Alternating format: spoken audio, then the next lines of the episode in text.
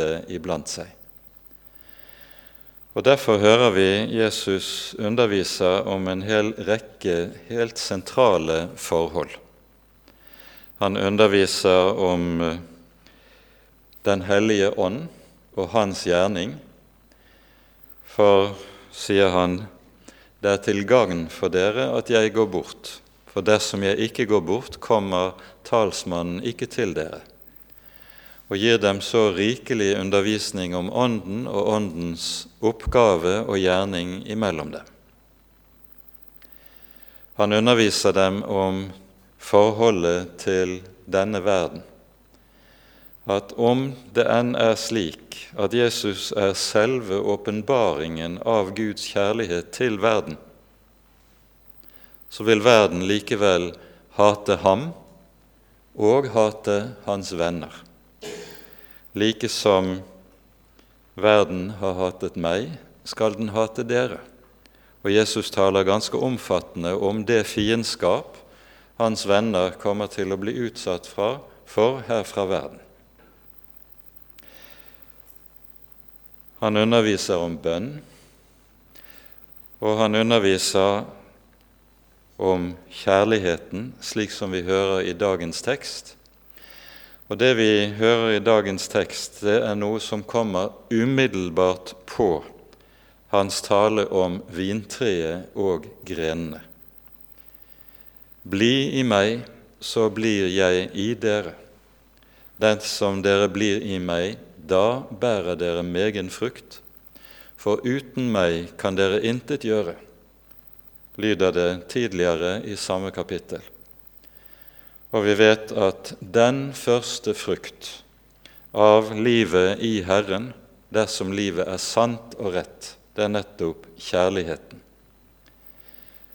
Åndens frukt er kjærlighet, glede, fred osv., leser vi hos apostelen Paulus. Og det er noe av samme sak Jesus taler om i disse kapitlene. Han taler om gleden, han taler om kjærligheten, og han taler om freden. Men det knyttes altså sammen umiddelbart i denne sammenheng med Jesu undervisning om vintreet. Og Poenget er altså at det er selve livssamfunnet med Jesus som er forutsetningen for alt det som kalles frukt.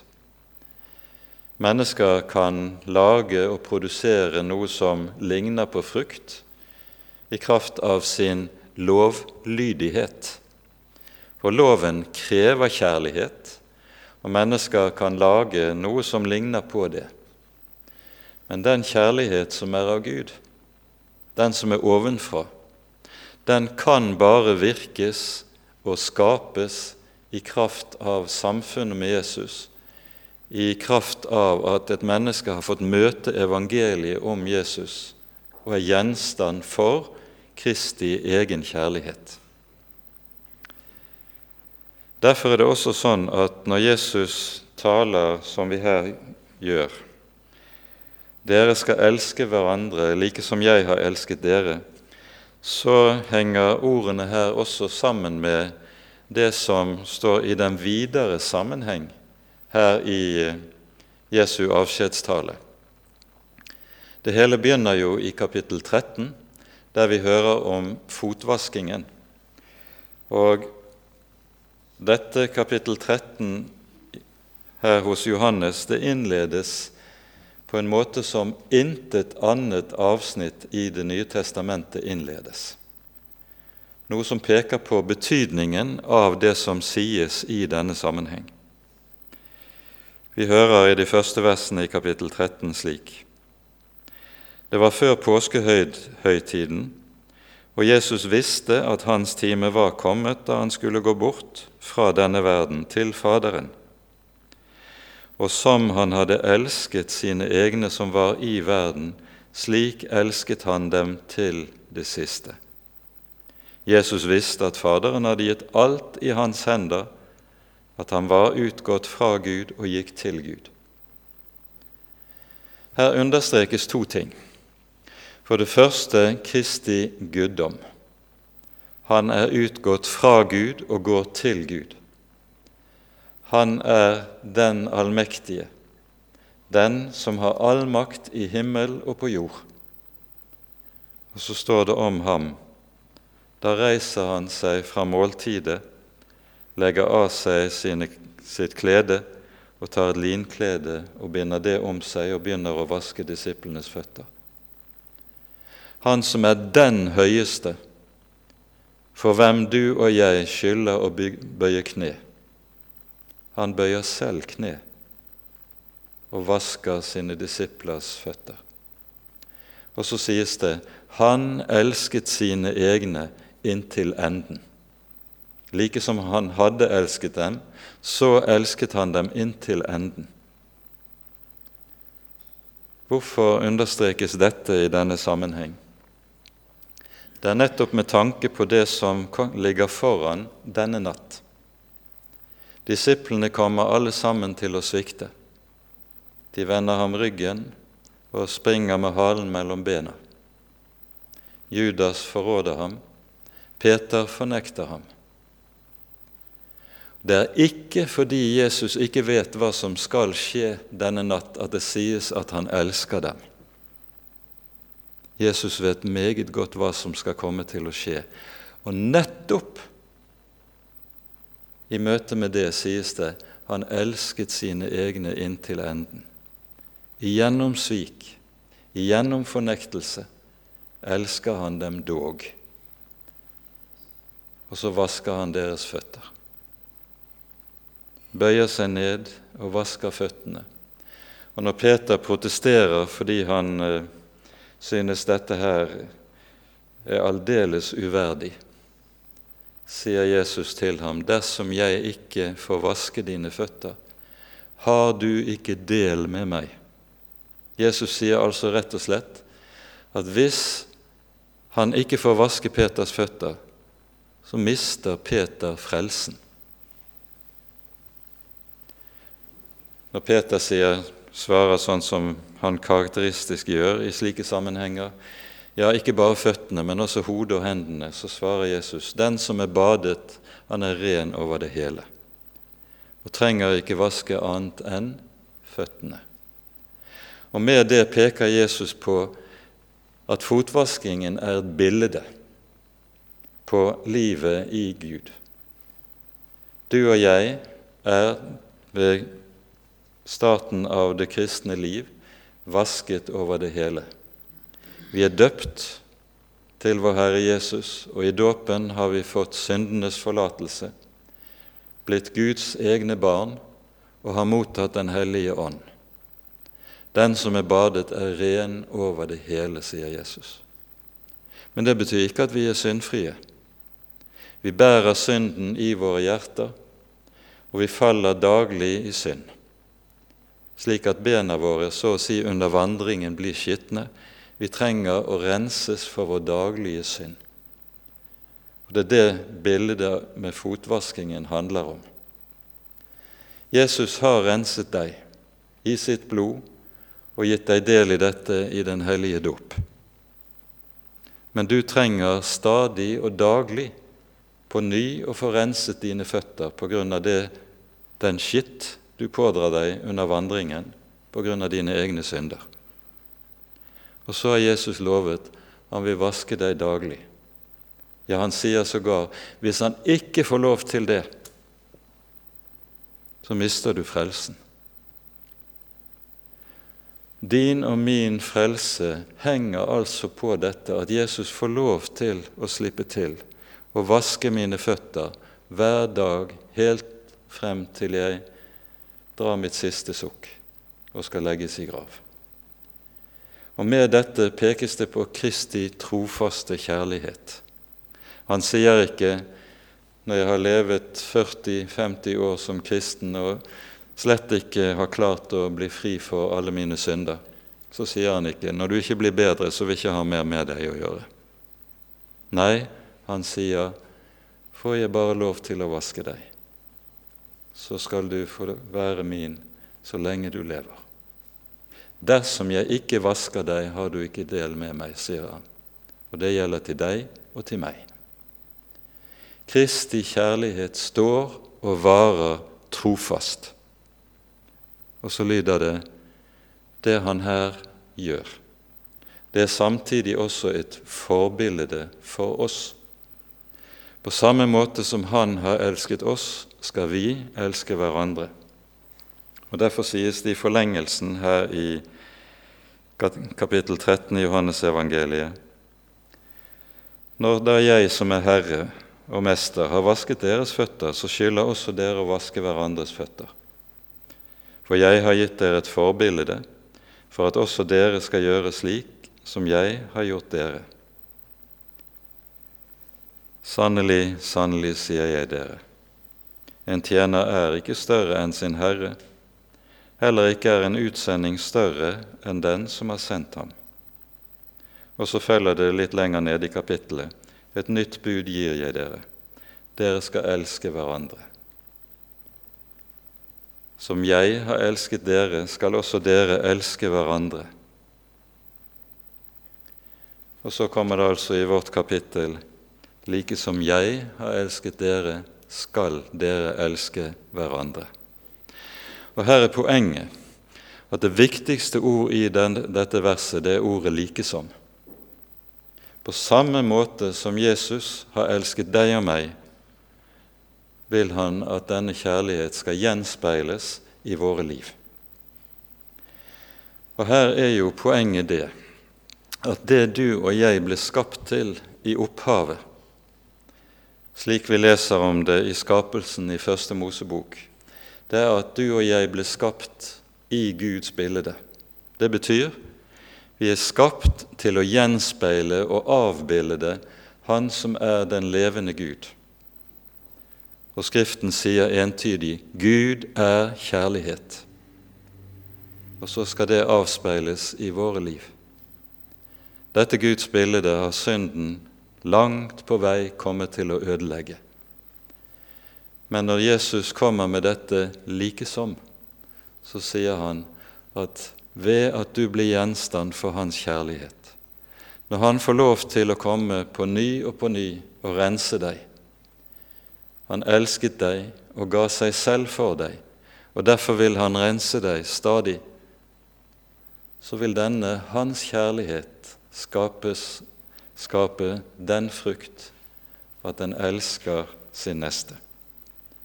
Denne kjærlighet er det som skal råde mellom kristne. Og denne kjærlighet er det også en kristen skal vise til hvert menneske. Jesus taler om dette i bergprekenen, der han sågar sier 'elsk deres fiender'. Men her i teksten er det Jesus taler om den kjærlighet som skal råde mellom de troende. Like som jeg har elsket dere, skal dere elske hverandre. Så leste vi, hørte vi lest også fra lesepulten fra Kjærlighetens høysang, 1. Korinterbrevs kapittel 13. Dette kapittelet slutter med verset, så blir de da stående, disse tre. Tro, håp og kjærlighet. Størst blant dem er kjærligheten. Dette verset er et av de mest misbrukte vers i våre dager. Når pridetoget går gjennom byen, så lyder det på ny og på ny 'Størst av alt er kjærligheten'. Men det er altså ikke det som står. Det som står i bibelverset, er 'størst blant disse tre er kjærligheten'. I Det gamle testamentet har vi tre hovedord for synd, som betegner ulike aspekter ved syndens vesen. Det ene hovedordet det er et ord, på hebraisk heter det avon, og det kommer av et verb som betyr å fordreie eller pervertere. En bøyer det som er rett. Og Når det gjelder ordet kjærlighet, så er det nettopp kanskje med dette ordet vi aller klarest ser hvordan mennesker i dag bøyer og perverterer det som er rett og godt. En bruker ordet kjærlighet om alt mulig som Bibelen kaller synd. Alt mulig som synden kaller hor. Alt mulig som Bibelen til og med kaller vederstyggelig i Guds øyne. Men det er ikke kjærlighet slik Bibelen taler om det. Det som vi ser i disse sammenhengene hvor pridetogene går gjennom byen, det er den aller groveste fordreining og pervertering av Guds gaver. Mange kristne lar seg lure av dette. Men vi skal være klar over at når Bibelen underviser om hva kjærlighet er, da knytter Bibelen meget tydelig og klart kjærligheten sammen med Guds bud. Og Da må vi lese hva apostelen Paulus skriver i Romerbrevets 13. kapittel. Her lyder det slik fra vers 8.: Den som elsker sin neste, har oppfylt loven. For disse bud du skal ikke bryte ekteskapet, du skal ikke slå i hjel, du skal ikke stjele, du skal ikke begjære, og hvilket som helst annet bud, de sammenfattes i dette ord du skal elske din neste som deg selv. Kjærligheten er lovens oppfyllelse. Her lærer Paulus oss med andre ord at når en bryter Guds ti bud, så er dette ikke kjærlighet, men det motsatte av kjærlighet. Men menneskene elsker å kalle ethvert brudd på Guds bud for et uttrykk for kjærlighet. Det er dagens situasjon, det er det vi ser i dagens kulturbilde. Men her må kristne vite tydelig og klart hva som er Guds ords tale inn i dette. For ordet kjærlighet, slik som vi lærer det å kjenne i Den hellige Skrift, det handler om noe ganske annet Jesus sier meget tydelig i dagens tekst Ingen har større kjærlighet enn denne at han setter sitt liv til for sine venner. Det bibelske ordet for kjærlighet det innebærer viljen til å ofre seg selv. Det bibelske ordet for kjærlighet handler ikke om min trang til å realisere meg selv, men altså det stikk motsatte. Og slik Jesus ofret seg selv, hans kjærlighet ble åpenbart for oss gjennom at han ga sitt liv i ditt og mitt sted. Slik er det en kristens kjærlighet også skal vise seg i vilje til å ofre for sin neste, og ikke minst for sin bror når det gjelder menigheten og menighetens liv. Dette er mitt bud, at dere skal elske hverandre, like som jeg har elsket dere. Vi hører altså at Paulus knytter kjærlighetsbegrepet sammen med de ti bud. Og Derfor kan begrepet kjærlighet aldri brukes til å avlyse ett eneste ett av de ti bud. Jesus taler langs samme linje i dagens tekst, i det han sier dersom dere holder fast på mine bud, da blir dere i min kjærlighet, like som jeg har holdt fast på min Faders bud og blir i hans kjærlighet.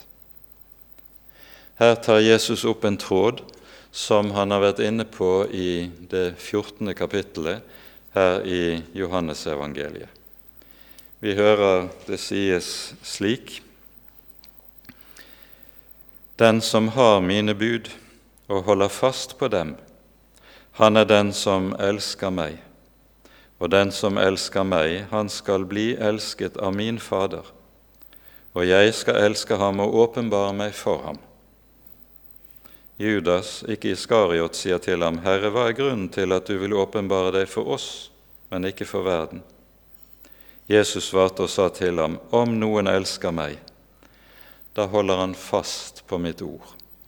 og min far skal elske ham, og vi skal komme til ham og ta bolig hos ham. Den som ikke elsker meg, holder ikke fast på mine ord. For det ord dere hører, er ikke mitt, men Hans, Faderens, som har sendt meg.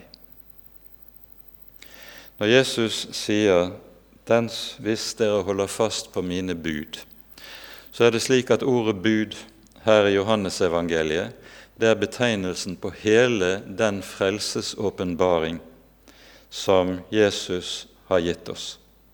Ordet bud i Johannesevangeliet betegner altså ikke kun det vi mener bud når vi taler om loven, med dens forbud og påbud. Men ordet bud her i Johannesevangeliet betegner altså hele frelsesåpenbaringen. Og så sier Jesus 'dersom dere holder fast på'. Her brukes det et ord i grunnteksten 'holde fast på'. Det betyr bokstavelig å vokte og ta vare på noe som er verdifullt. Det er et ord som ellers anvendes i Bibelen om f.eks. vaktposten, som står som og vokter kongens skattkammer. Han vokter det som er det mest verdifulle, for at ingen skal bryte inn, skade eller ta det. Og slik er det at for et Guds barn er den frelsesåpenbaringen han har fått i Jesus Kristus, det er det mest verdifulle han eier. Det hegner han om, det vokter han, det kan han ikke miste. Og Derfor sier Jesus at selve kjennetegnet på at en er hans disippel, det er nettopp det at en tar vare på dette ord, vokter om det som det mest verdifulle en eier. De som bare leker med ordet, setter tykk strek over det som de ikke liker i ordet. De demonstrerer med dette at de er ikke Jesu disipler. For et menneske kan ikke leve i strid med Jesu ord og så kalle seg hans disipler. Da er de falske disipler. Et menneske kan ikke forkaste Kristi ord, større eller mindre deler av Kristi ord, og samtidig kalle seg hans disippel da er de falske disipler. Dette er Jesu egen tale. For det rette kjennemerket på at det er en sann og rett disippel, det er nettopp det at en tar vare på Jesu ord. I dagens forvirrede åndssituasjon er dette nødvendig å si. Fordi det er så mange som i dag føres på ville veier og tenker ja, Bibelens ord er nå det egentlig Guds ord? Er ikke det bare en speilbilde av hva datidens mennesker tenkte? Nei. Bibelens ord er Guds ord. Det er Guds tale til oss. Det er Guds egen tiltale. Gud har talt. Gud er ikke en taus Gud. Gud er ikke en Gud som er skjult langt ute i mørket. Han er en som har gitt seg til kjenne og han har talt. Tenk det. Han har talt slik at vi kan kjenne ham,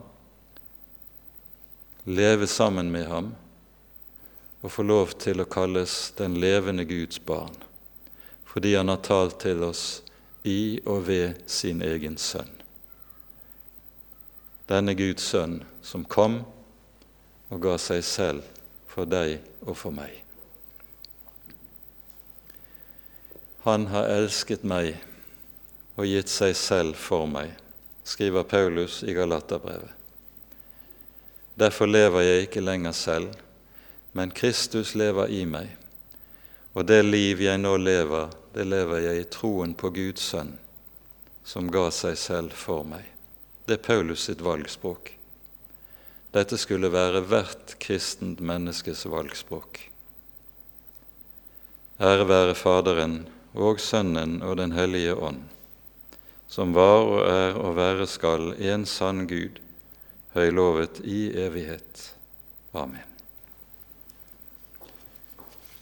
Vi synger så sammen nummer 246, 'Kristne hjerter, la oss søke sammen'. 246.